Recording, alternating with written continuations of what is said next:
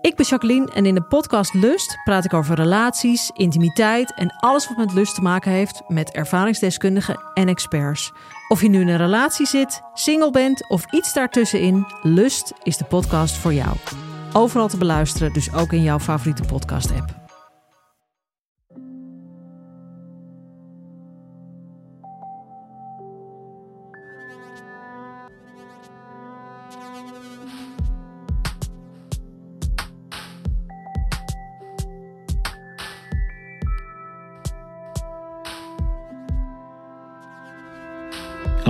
Ik ben het, Pieter van Relaas. Gaan we samen naar een waar gebeurd verhaal luisteren en het wordt verteld door de mensen die het zelf heeft meegemaakt. Dat doen we bij Relaas. Het relaas van Francisca vandaag gaat over ontsnappen. Even wegstappen uit de rat race van het leven, want soms moet dat, om daarna opnieuw een loodzware uitdaging aan te gaan. En om te leren doorzetten. Heel hard leren doorzetten.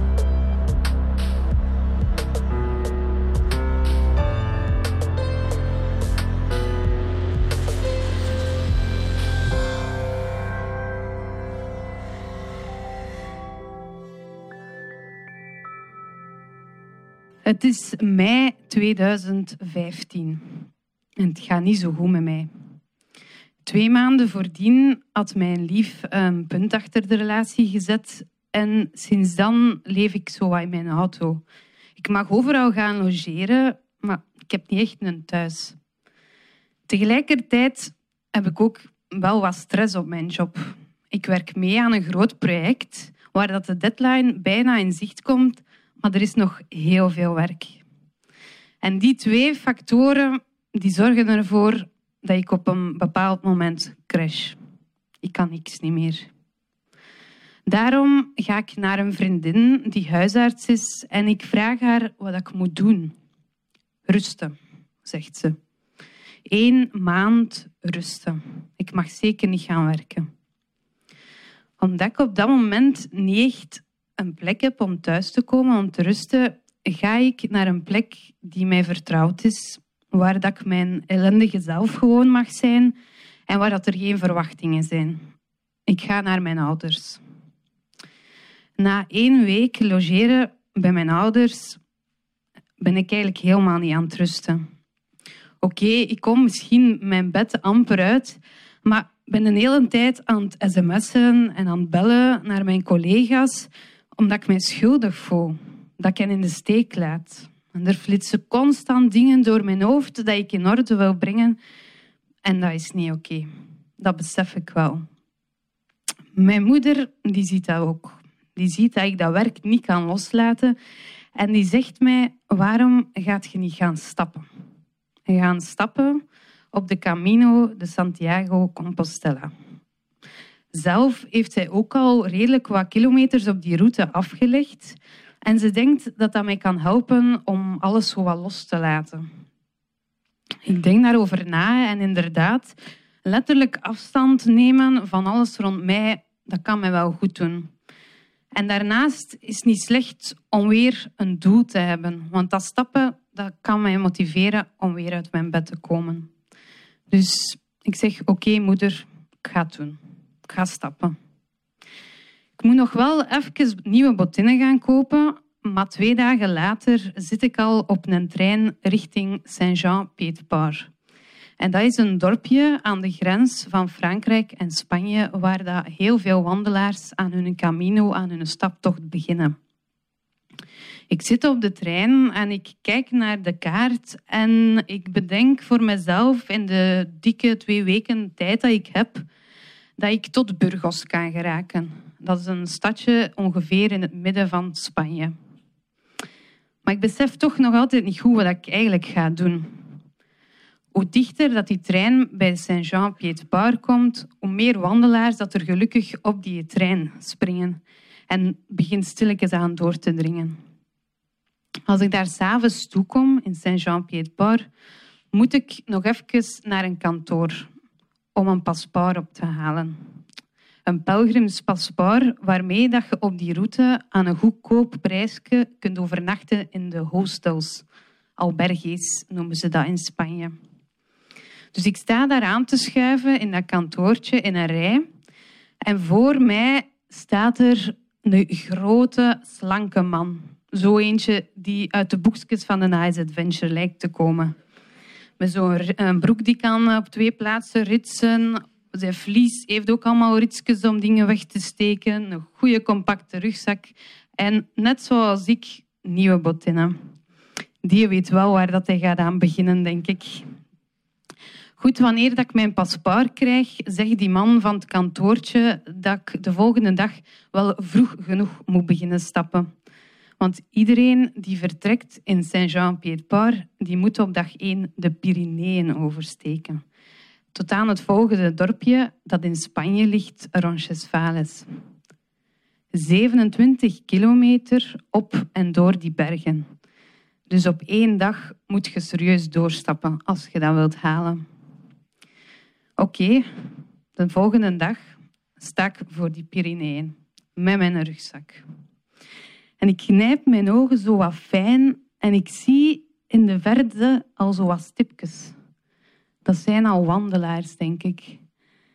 En ik kijk nog eens goed, maar die gaan gewoon niet vooruit. En ik begin wel te panikeren. Shit, denk ik. Deze was misschien toch niet zo'n goed idee. Ik ga dat niet kunnen. Nee, nee, nee. Dat is misschien toch niks voor mij. Maar ja, ik sta hier nu met mijn rugzak. Allee, ik kan nu toch niet terugkeren. Hoe belachelijk is dat? En terwijl dat ik daar zo in een soort van crisisoverleg zit met mezelf, tikt er iemand op mijn schouder.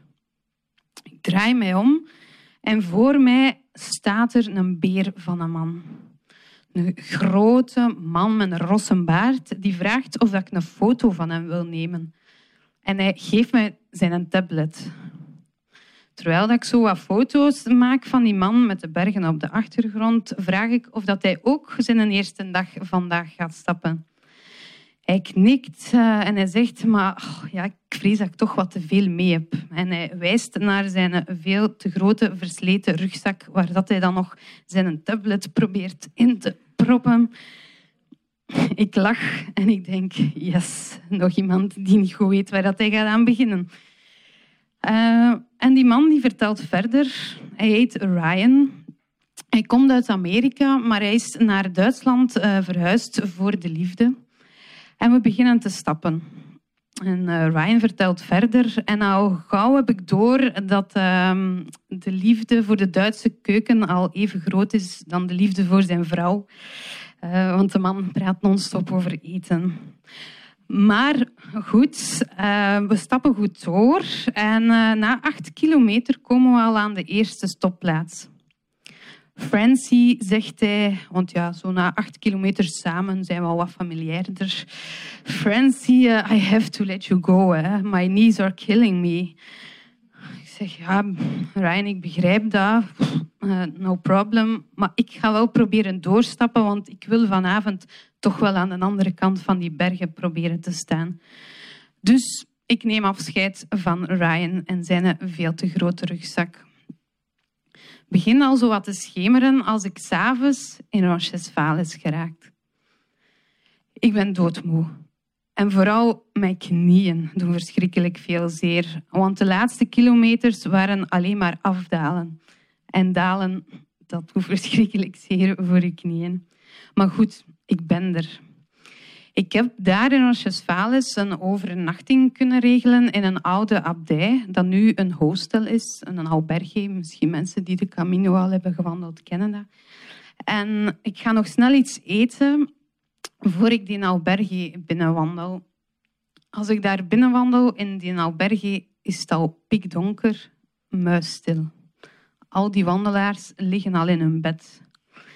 Ik probeer in een donker stilletjes naar mijn bed te sluipen en ik probeer in mijn rugzak mijn gerief te halen om mij te installeren. Ik vind die slaapzak niet. En ik begin daar wat in te roffelen en ik besef dat ik er alles moet uithalen.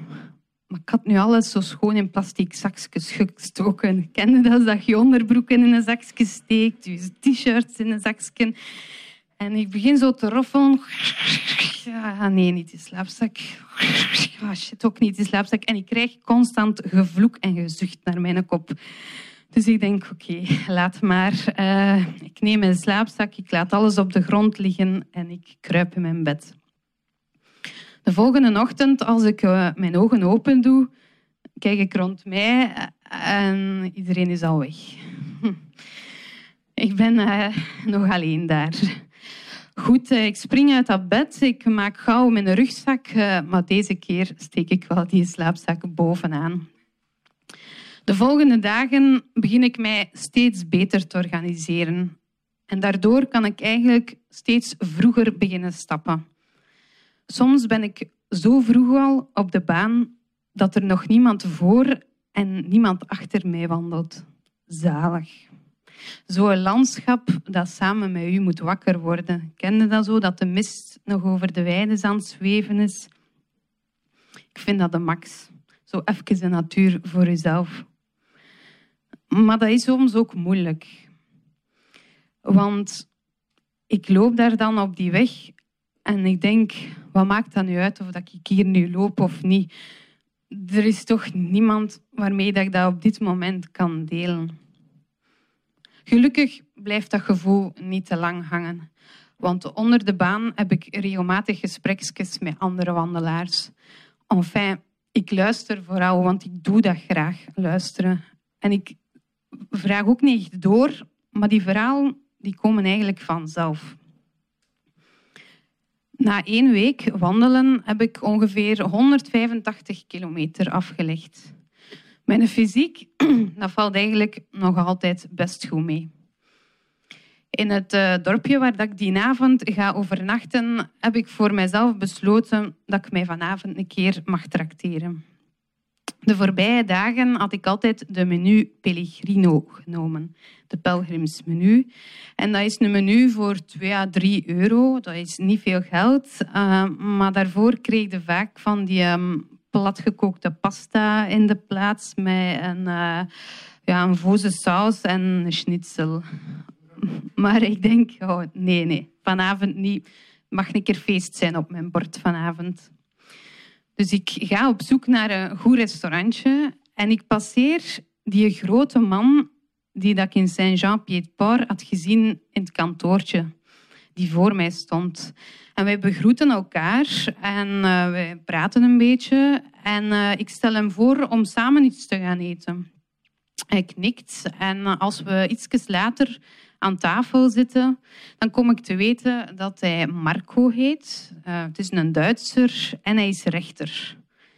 Hij heeft uh, een maand verlof genomen om vanaan Saint-Jean-Pied-Port naar Santiago te stappen. Helemaal het einde van de Camino. Het is een gezellige avond.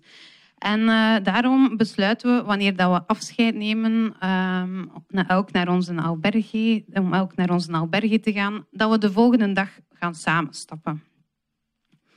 Goed, de volgende dag merk ik dat het eigenlijk niet zo handig is om met zo'n grote man samen te stappen.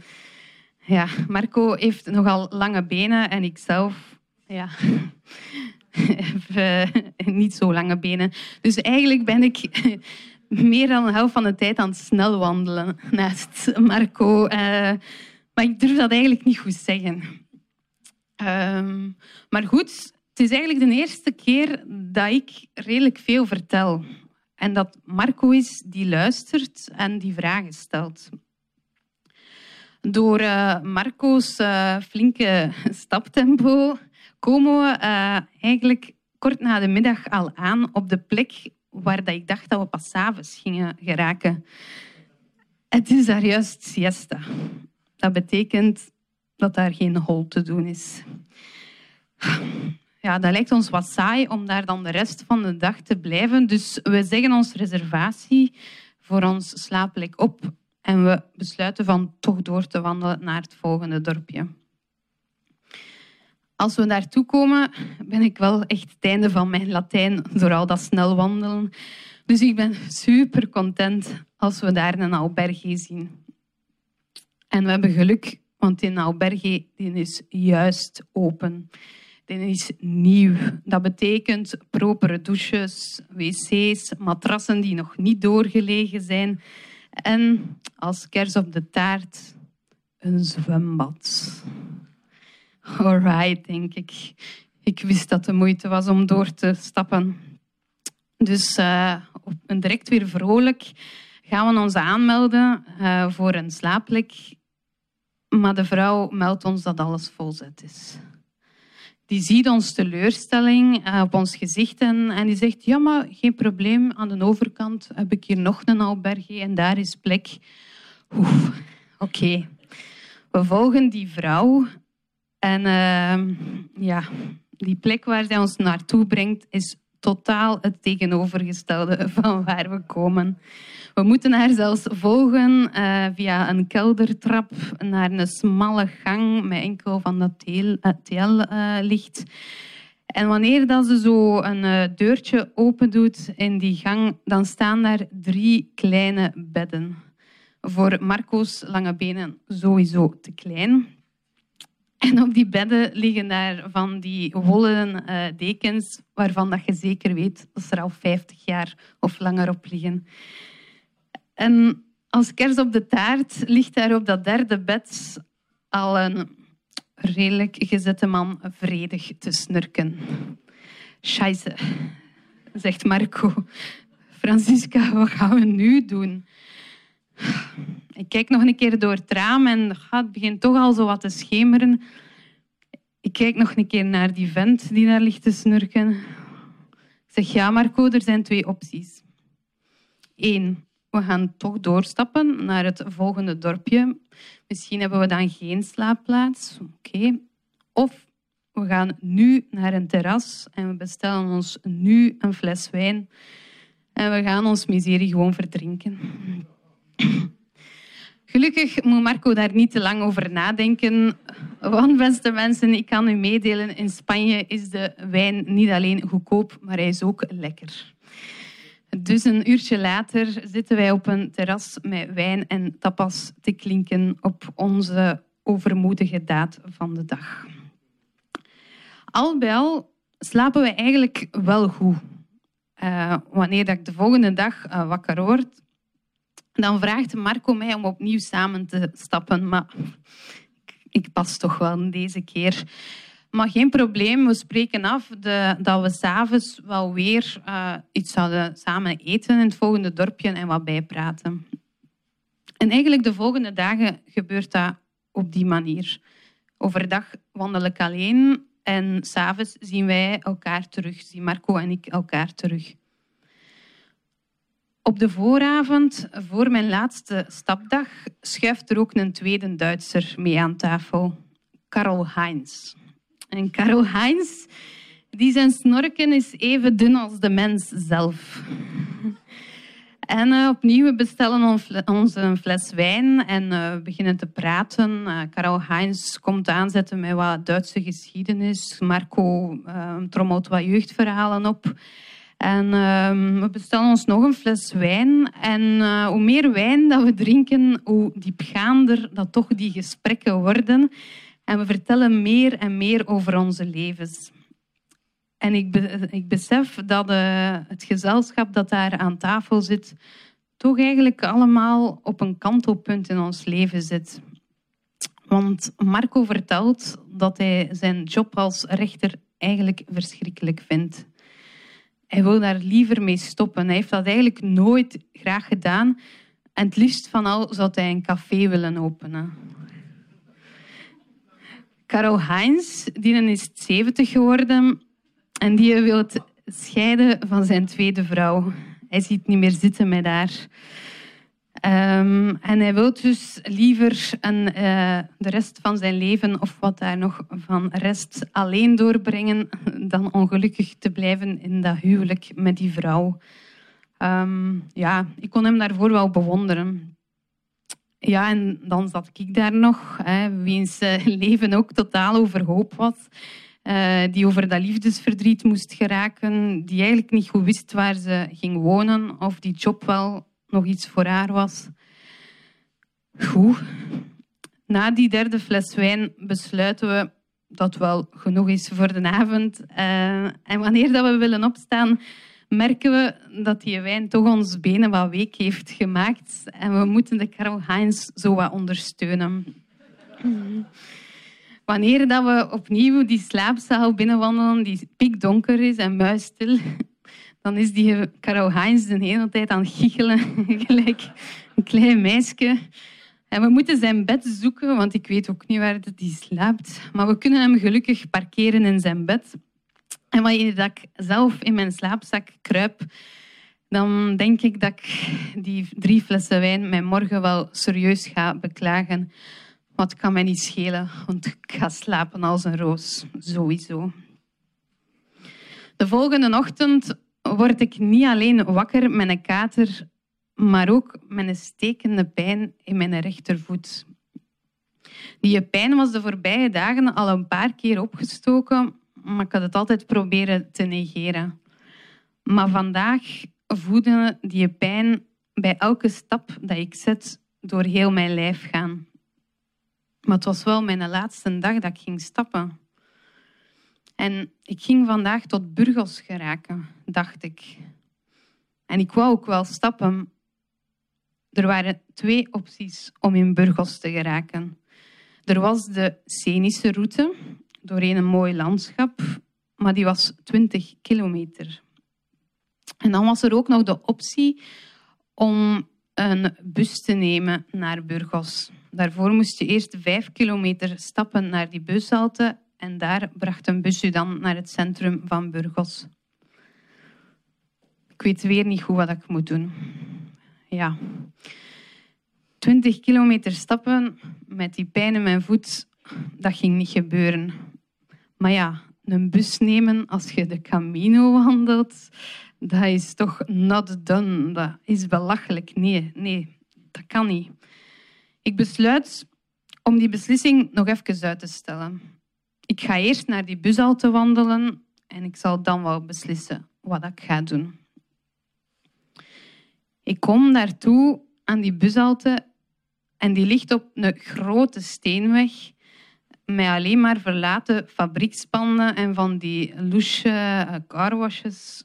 Niet als zo'n plek waar dat je lang wilt rondhangen. En de rest van die weg ziet er eigenlijk eh, exact hetzelfde uit. Dus ook niet echt een plek waar dat fijn is om op te wandelen. Dus ik denk, ja, oké, ik ga dan toch maar de bus pakken. En ik wacht daar. Maar na een half uur komt die een bus niet. Oh, ik denk, shit, oké, ik ga gewoon naar de volgende bushalte wandelen. En als die een bus passeert, ga ik hem wel doen stoppen. Maar die volgende bushalte, die komt daar niet. En een bus passeert er al helemaal niet. Dus ik vloek bij elke stap dat ik zet en dat ik die pijn in mijn voet steeds erger verwoorden. Tot als ik opeens een bord zie. Met daarop Burgos. Ik smijt mijn rugzak af. Ik stap naar dat bord. En ik denk, ik ben er.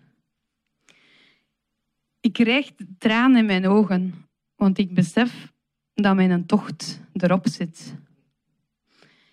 Ik veeg mijn tranen wat weg en ik neem een foto van mezelf bij dat bord als herinnering aan dat toch wel euforisch moment. Nu, mijn euforie is van korte duur als blijkt dat het centrum van Burgos nog eens vijf kilometer achter dat bord ligt. Dus wanneer ik mij eindelijk op een bedje kan smijten in zijn uh, alberge van Burgos, dan heb ik het gevoel dat mijn benen geen onderdeel niet meer zijn van mijn lijf.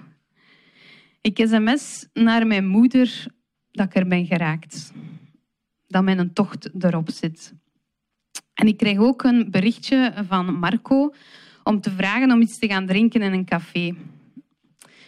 Een uur later zitten wij daar op café en wij klinken. Op de luizige bedjes, op de rampzalige menu Pellegrino's en op mijn eindbestemming.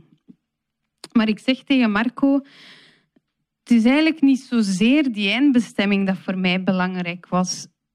Het was eigenlijk alles wat dat daartussen zat, tussen het begin en dat eindpunt. Al die gesprekken onder de weg, die kilometers alleen, de wijn, het klimmen, het dalen, dat maakte eigenlijk voor mij die een tocht de moeite waard.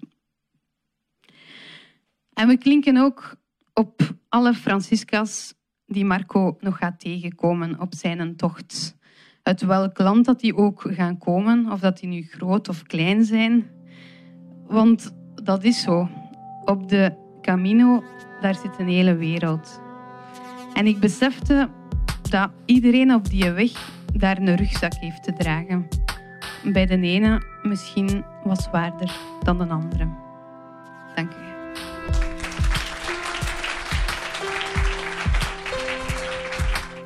Dat was het relaas van Francisca. Ze heeft het verteld in Antwerpen in maart van 2020 in een hopzak. En ik weet niet of je ooit al naar zo'n vertelavond bent geweest, maar het leuke aan zo'n vertelavond is dat je met een kleine groep mensen samen zit. Hè. Dus in de gezelligheid van een café en je weet nooit op voorhand wie er komt vertellen en wie dat er komt luisteren. Maar op het moment dat Lynn, de presentatrice, de naam Francisca uitspreekt, dan kijkt iedereen rond om te zien wie er recht staat om een verhaal te vertellen. Ik vind dat altijd een magisch moment. Ken je iemand die ooit de Camino di Santiago heeft afgewandeld of er een stuk van heeft afgewandeld? Stuur je hem dan dit verhaal door? Op die manier wordt de relaasfamilie steeds groter en groter. En als je zelf een spannend reisverhaal hebt, dan mag je ons dat altijd tippen. Facebook, mail, website, kan allemaal. Je weet ons te vinden. Relaas krijgt steun van de afdeling cultuur van de stad Gent en van de Vlaamse gemeenschap. De stad Gent die steunt ons om de vertelavonden in Gent te organiseren. Maar van Vlaanderen krijgen we de komende twee jaar ook steun om Relaas in Antwerpen helemaal te verstevigen en om ook in Brugge Relaas vertelmomenten te gaan organiseren. Hoe leuk is dat? En tot slot, wij zijn lid van de Luisterclub. Luister is een groep verhalende podcasts. Dus als je na Relaas nog steeds verhalenhonger hebt, dan vind je daar sowieso je gading. Luister met een Y. Luister.